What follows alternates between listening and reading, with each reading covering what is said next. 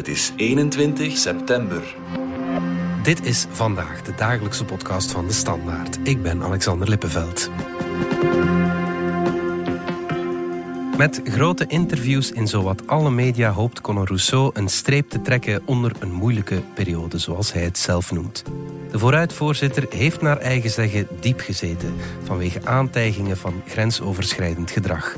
Twee meldingen en een klacht zijn intussen geseponeerd. Wat moeten we hiervan onthouden en wat zal er mogelijk blijven hangen?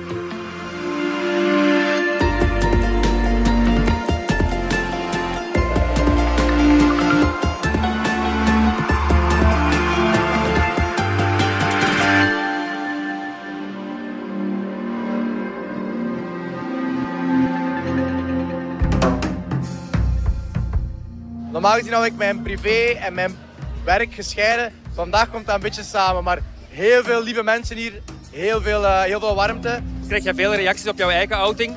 Ja, superveel wel, maar mensen zijn wel heel positief, dus dat, dat sterkt mij wel. Dat was Conor Rousseau op de Pride in augustus, toen het onderzoek naar hem, uh, naar grensoverschrijdend gedrag, nog volop liep. Bij ons in de studio zit Valerie Troeven van onze wedstraatredactie. Valerie, Rousseau was gisteravond uh, ja, alom tegenwoordig op uh, alle nieuwsplatformen. Vanwaar die georchestreerde mediacampagne? Ja, aan het begin van het nieuwe politieke jaar, het laatste voor de verkiezingen, wilde Conor Rousseau voor eens en voor altijd zichzelf vrijpleiten. Hij wou het één keer hebben over die meldingen, over wat er het voorbije jaar gebeurd is. En daarmee hoopt hij daar een lijn over te trekken en het er nooit over te moeten hebben. Ja. Zelf zegt hij dat hij na zijn coming-out video veel vragen heeft gekregen van alle journalisten. Dat hij mentaal nog niet klaar was om die toen te beantwoorden. Dat hij zijn tijd genomen heeft en dat dat nu wel zo is. Hij wou niemand de primeur geven, dus heeft hij naar eigen zeggen het meteen bij iedereen gedaan. Dat ja. is de redenering. Oké, goed. Uh, jij bent ook bij hem geweest voor een groot interview. Welke indruk gaf hij? Ja, hij kwam inderdaad heel erg combatief over. Hij is duidelijk ook heel erg in zijn werk gevlucht. Hij zegt van uh, zo'n drukke job is wel handig als je dit soort dingen overkomen. Ja. Daar kan je in vluchten. En hij komt wel over als iemand die zeer goed voorbereid is voor het politieke luik van hetgeen dat er komt. En die ook echt die knop wil omdraaien en Ja. gaan voor die verkiezingen. Ja, wat had hij juist te vertellen en dan vooral over dat grensoverschrijdend gedrag? De belangrijkste boodschap voor hem was: de klachten zijn geseponeerd. Daarmee is bewezen dat er mij niets te verwijten valt. We hebben hem ook gevraagd: heeft u morele, laakbare grenzen overschreden?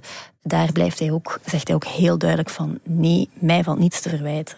Ik uh, sta recht in mijn schoenen. Ik ben daar 100% zeker van. Ja. Dat is de boodschap, heel duidelijk.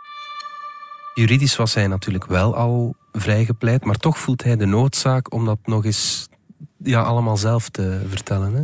Ik denk eerlijk gezegd dat dit een beetje de aard van het beestje is. Conor Rousseau is een meestercommunicator. Hij is daar heel goed in. En hij wil de communicatie onder controle houden. Hij wil die in de hand houden. En we moeten daar eerlijk over zijn. Dat is niet gelukt na het coming-out filmpje. Toen in het filmpje met Erik Goens vertelde hij dat hij minstens op uh, mannen, of door twee mannen en vrouwen viel. Mhm. En plots ging het uh, debat over iets helemaal anders. Ja, laten we uh, eens kijken naar hoe die bal aan het rollen is gegaan voor het grote publiek. Was dat met die coming-out video, hè? vlak voor de zomer? Vertel eens, wat is er allemaal gebeurd in de nasleep daarvan? Ja, al in die video en ook in het interview dat we nu gedaan heeft, voel je heel erg, of hij zegt het ook, dat hij zich gedwongen voelde tot die coming-out. Mm -hmm. Hij kadert die heel erg in... Um, de journalisten die hem opjaagden om de primeur bij hem te geven. Hij zegt zelf, ik was nog heel zoekende. Het feit dat ik um, die coming-out in juni gedaan heb, is niet mijn eigen keuze geweest. Mhm. Mm -hmm. Ik wou het dan op de manier doen waarop ik, die ik zelf kon kiezen. Dus het tijdstip kan ik niet beslissen, maar wel de manier waarop. Dus daarom heeft hij dat toen gedaan, op, op een manier die hij het beste vond. Hij heeft daarvoor de tv-maker uh, Erik Goens in de arm genomen om dat videootje te maken. Uh, hij zegt zelf, twee jaar geleden uh, zat ik in het huis. Het was duidelijk dat Erik Goens toen doorhad dat ik worstelde met mijn geaardheid. Ja. Hij kende mijn struggles. Mhm. Hij heeft daarover gezwegen. Ik vertrouw die man. Dus als we het daar juist hadden over de manier waarop hij wou het bij Erik Goens doen, dat videootje is dan samen gemaakt geweest. Het enige waar dat hem een risico meegenomen heeft, is het feit dat hij wel toegaf dat hij zich opgejaagd wild voelde. En het enige waar hij wel een risico meegenomen heeft, is door in die video te zeggen dat hij zich opgejaagd voelde door roddels en geruchten. Mhm. En die passage in de video eh, is de aanleiding geweest voor alles wat er nadien is eh, gekomen. Ik weet hoe dat mensen soms over mij denken zonder dat ze het zeggen. En ik dat, ja, mij, mij, ik zal zo zeggen, mij opgejaagd wild voel of zo. Omdat heel veel mensen daarover over speculeren, omdat ik snak naar adem. En ik hoop dat dit mij op een manier terug wat adem kan geven en wat ruimte of zo mentaal om met andere dingen bezig te zijn dan met dit. Toen met juni was er eigenlijk nog niets verschenen over de reden waarom hij zich uh, opgejaagd wild voelde, toch? In de pers uh, was er nog niets verschenen over uh, de meldingen die er waren, het vooronderzoek dat liep. Alleen op sociale media zag je wel al uh, wat geruchten circuleren en publicaties zoals het Scheld P-nieuws, wat vroeger P-magazine was, en andere obscure websites, ja, die waren wel al enkele weken bezig met dingen te publiceren die daarover gingen. Mm -hmm. Conor Rousseau vooruit heeft die offline laten halen, is erin geslaagd. Maar de achtergrond daarvan was dat verschillende media die geruchten al een tijdje aan het onderzoeken waren. En ja, dat je van alles hoorde over uh, Conde Rousseau zou met minderjarigen uh, feiten gepleegd hebben. Het was nooit duidelijk wat precies of wie. Uh, wij raakten ook niet bij die slachtoffers, dus wij wisten helemaal niet zo goed waar het over ging. Rousseau zegt het in het interview, hij, hij, noemt dat journalistieke onderzoek een heksenjacht. Hij zegt dat er dagelijks mensen in zijn omgeving een jaar en een stuk gebeld zijn met juice over hem. Hè. U moet toch iets weten, uh, vertel het ons, wij hebben heel veel getuigenissen. Voor hem is, zonder dat iemand iets gepubliceerd heeft, daar de negatieve reputatieschade al gebeurd. Hè. Uh, hij zegt, door het journalistieke onderzoek zijn er geruchten ontstaan. Ze hebben die zelf gegenereerd, hè, zegt uh, Conor Rousseau. En daardoor begonnen die geruchten te gonzen en begonnen mensen te spreken over zogezegd grensoverschrijdend laakbaar gedrag van mij. Ja, en, en wat was er op dat moment al van aan? Waarover gingen die journalistieke onderzoeken dan? Eh, die onderzoeken zijn nooit gepubliceerd. Mhm. Wat uh, je daar in grote lijnen over kan zeggen, want ze zijn geseponeerd, dus we gaan er ook niet te diep op ingaan, mm is dat er twee meldingen geweest zijn en één klacht. Uh, zijn niet door de jongens zelf bij het gerecht uh, gedaan. Die twee jongens zijn minderjarige jongens. Mm maar niet seksueel minderjarige jongens. Uh, het gaat over ongepast gedrag en ongepaste communicatie. Ja. Die eerste melding is gedaan door een journalist van DPG die zelf onderzoek deed naar de zaak. Mhm. Die is naar het gerecht gestapt, die heeft gezegd ik heb een getuigenis van een minderjarige, wat moet ik daarmee doen? En de tweede melding is ingediend door de moeder van die 17-jarige jongen. Er kwam dan ook een klacht. Mhm. Wat is het verschil met die meldingen? Bij melding ga je gewoon iets melden. Hè? De twee jongens bijvoorbeeld zijn ook niet ondervraagd bij die melding. Mhm. Bij een klacht meld je een eventueel strafbaar feit, wordt er een PV opgemaakt en moet je ook zelf zeggen wat dat je te melden hebt. Mhm, mhm. Die klacht is ook na een vooronderzoek geseponeerd. Dus ook daar is er geen vast te stellen strafbaar feit gebeurd. Dus hij is juridisch op dit moment volledig vrijgepleit. Ja. Dus de man die die klacht is gaan indienen, was meerderjarig. Hij was ook een ex-partner van Conor Rousseau. En hij zegt in zijn klacht dat er in de context van die relatie grensoverschrijdend gedrag gebeurd is. Ja, en die klacht zat uh, DPG, die journalist van DPG, daar ook voor iets tussen? Uh, daar is geen journalist een melding gaan doen of een klacht gaan indienen, maar mhm. de advocaat van die man zelf. Wat wel zo is, is dat uh, die man zich eerst gemeld heeft uh, in het onderzoek van de journalisten van DPG. Dus dat hij daar al in hun onderzoek zat, mm. vooraleer uh, die een klacht is gaan indienen. In de morgen heeft de advocaat van die man ook gezegd dat, dat die man wellicht nooit naar het gerecht zou gestapt zijn zonder een extra duwtje van de journalist. Ze benadrukt wel dat hij in haar ogen zijn werk heeft gedaan, maar zonder de tussenkomst van die journalist zou er wellicht, zegt zij, geen klacht geweest zijn. Ja. Tijdens het interview merk je ook wel dat uh, Conor Rousseau heel boos is over de houding van die twee journalisten van de onderzoekscel van DPG. Het feit dat zeker al twee van die drie meldingen klachten eerst door de handen van journalisten zijn gegaan, maakt hem boos, want hij ziet daar een soort van heksenjacht in. Hè, dat heeft hij ook zo benoemd. Hij heeft het gevoel dat die journalisten daar zwaar over de schreef gegaan zijn. Ja. Uiteindelijk hebben ze wel niets uitgebracht. Uiteindelijk hebben, hebben de journalisten van DPG, de onderzoekscel, niets uitgebracht.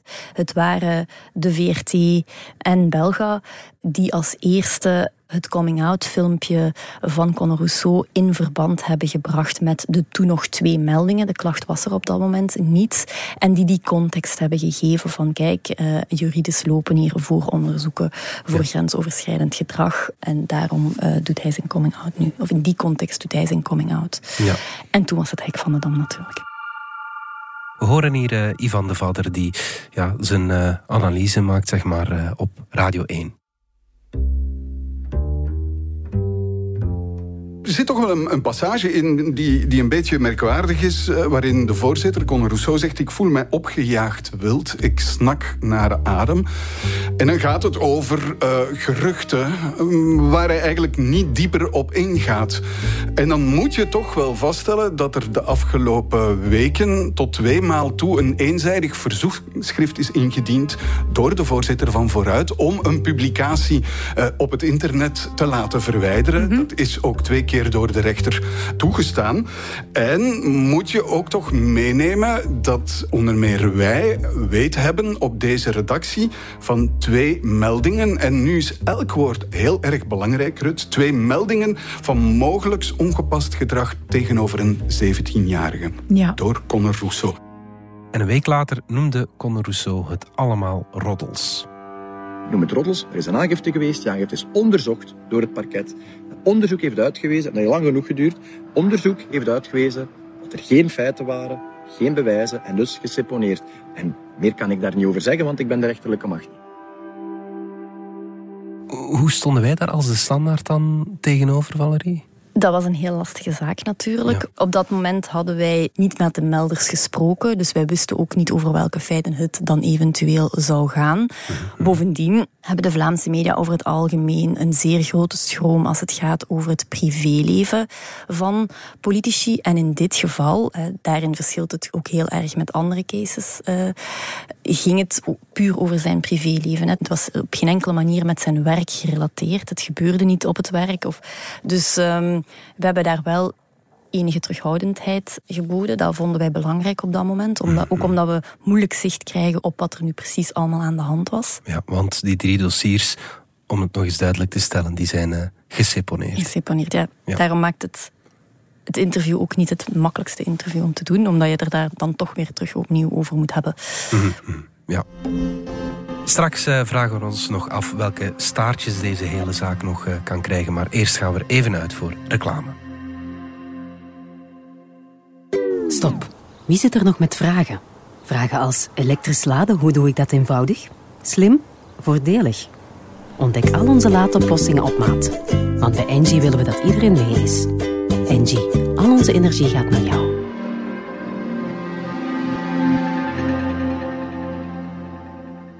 Valerie, terug naar jou dan. Laat ons nog eh, even kijken naar het gerechtelijke luik en meer bepaald deze tenlasteleggingen.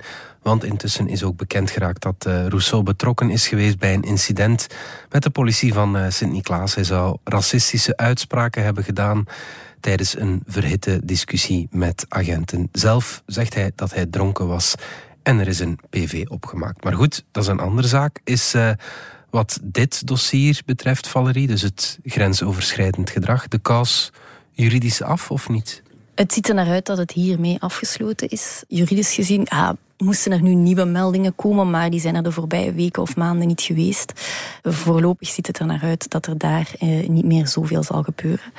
Het enige wat er nog kan gebeuren is dat uh, de man die klacht heeft ingediend, een klacht met burgerlijke partijstelling zou indienen. Ik heb zijn advocaat daarvoor gecontacteerd en die zegt dat ze daar nog over twijfelen. Hè, dat ze mhm. daar nog over gaan beslissen of ze dat gaan doen. Als ze dat doen, hè, een klacht met burgerlijke partijstelling betekent dat er een gerechtelijk onderzoek volgt. Ja, oké. Hm. In de entourage van uh, Rousseau wordt met uh, ja, de vinger gewezen naar die twee journalisten van DPG. Ook zijn advocaat, Christine Mussen, heeft zich heel kritisch uitgelaten over hun rol. Zou de zaak op dat vlak nog een staartje kunnen krijgen? Um, in ons interview zegt Conor Rousseau uh, dat ze lang nagedacht hebben om met de partij ook daar een klacht tegen in te dienen. Mm. Ze hebben heel veel op papier staan waarmee dat ze dat zouden kunnen doen, zegt hij. Maar ze hebben beslist om het niet te doen. Hij wil de deur echt achter zich dicht uh, trekken hierover en een lijn onder de feiten trekken. Ja. Opmerkelijk is wel dat zijn advocaat Christine Mussen in de officiële communicatie na de derde uh, seponering uh, heel bewust in de richting van die twee journalisten wees. Zij zei, dit, wat zij gedaan hebben, heb ik nog nooit meegemaakt in al die jaren dat ik aan de balie werkte. Zo noemt ze niet bij naam, maar hè, ze geeft toch duidelijk een sneer. Ook de journalistenbond de VVJ heeft op knak.be een zeer streng opiniestuk uh, gepubliceerd. Het feit dat de eerste melding er via een journalist is gekomen, is toch iets wat de VVJ niet als uh, gangbare journalistieke praktijken ziet en waar zij uh, DPG, de onderzoekscel van DPG Media fors voor op de vingers stikken. Ja, wat kunnen de politieke gevolgen zijn voor Conor Rousseau van heel deze saga? Nu, ik moet toegeven dat publiekelijk heeft nog geen enkele partij hiervan gebruik gemaakt. Niemand heeft dit gebruikt om Conor Rousseau te elimineren in een debat of een, als hmm. politieke tegenstander aan te vallen. Ja. Uh, los daarvan kan je je wel afvragen of uh, dit niet allemaal heel erg gaat knagen aan zijn populariteit. Ja, wel, want wat blijft er hangen bij de kiezer natuurlijk? Ja. Dat, dat, dat, is het belangrijkste Daar zijn, voor hem. Er zijn op dat gebied twee opmerkelijke feiten. Uh, na het coming-out filmpje zag je op TikTok dat er een podcast die Beheeft heet... Uh, um, heel erg fel de ronde deed. Dat was een podcast die feiten en fictie volledig door elkaar haalde. Mm. Kant nog wel raakte, maar wel heel vernietigend was uh, voor uh, Conor Rousseau. Mm.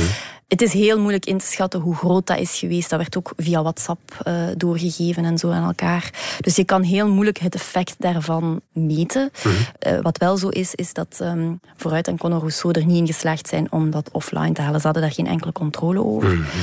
Het tweede element wat hier belangrijk is, en toch opmerkelijk, want dat zegt uh, al iets meer, is het feit dat Vooruit zelf over de zomer een interne peiling heeft gedaan. Mhm. Dus ze hebben gepeild naar allerlei dingen, maar dus ook naar de populariteit van uh, de partij en de partijvoorzitter. Uit die interne peiling blijkt dat hij nog altijd even populair is als voordien. Hij zegt dat tenminste, want we hebben zelf die peiling niet gezien. Ja, en ook binnen de partij blijft iedereen achter hem staan. Ja, absoluut. Hij zegt ook dat hij alleen maar steun heeft gehad binnen de partij. Er is eerder bezorgdheid over, kan hij dit wel allemaal trekken, mm. uh, dan dat hij dit echt gedaan zou hebben of dat dit hem politiek zou kunnen schaden. Ja, tot slot heeft uh, Conor Rousseau zelf lessen getrokken uit wat er allemaal gebeurd is... Uh afgelopen ja, kleine half jaar? In het interview zegt hij dat hij een soul searching gedaan heeft. Hij, is wel gaan nadenken over wat is mijn rol hierin geweest, wat heb mhm. ik verkeerd gedaan. Hij zegt ook dat hem heel grondig, hè, ook voor het gerechtelijk onderzoek en het verhoor dat hij heeft moeten doen, door de sms-conversatie is gegaan van de man die klacht tegen hem heeft ingediend. Mhm. Maar dat daar voor hem ook weer heel duidelijk uit bleek dat hem niets te verwijten viel. Hij heeft het er wel over dat um, het evenwicht tussen een persoonlijk leven hebben als jonge politicus en een publiek figuur zijn heel moeilijk is. Hij zegt dat evenwicht staat voortdurend onder druk. En hij zegt ja, het komende jaar heb ik sowieso veel minder een privéleven, want politiek zal al mijn aandacht nodig hebben. Mhm. Dus dat is even niet aan de orde. Maar je voelt wel dat hij daar wel mee worstelt. Van hoe ver mag je gaan? Ook omdat hij als politicus graag veel van zichzelf op sociale media geeft. Mm, mm. Dat persoonlijke leven, ook hoe hij dat leeft, dat leven. Hij gaat nog graag op stap, hij gaat graag op café, hij gaat graag naar festivals, hij feest graag. Uh, hij vindt dat zijn handelsmerk ook. Hè. Mm. Dus het is wel een evenwicht dat af en toe uitgedaagd wordt. Dat is heel duidelijk. Je voelt dat hij daarmee worstelt. Ja, ja. goed. Valerie Droeven, dankjewel. Graag gedaan. Dit was vandaag de dagelijkse podcast van de Standaard. Bedankt voor het luisteren. Volg ons op Spotify, Apple Podcast of eender welk ander podcastplatform. Of download de vernieuwde app DS Podcast, waar je ons werk en de beste luistertips van onze redactie terugvindt. Alle credits van de podcast die je net hoorde vind je op standaard.be-podcast. Reageren kan via podcast.standaard.be.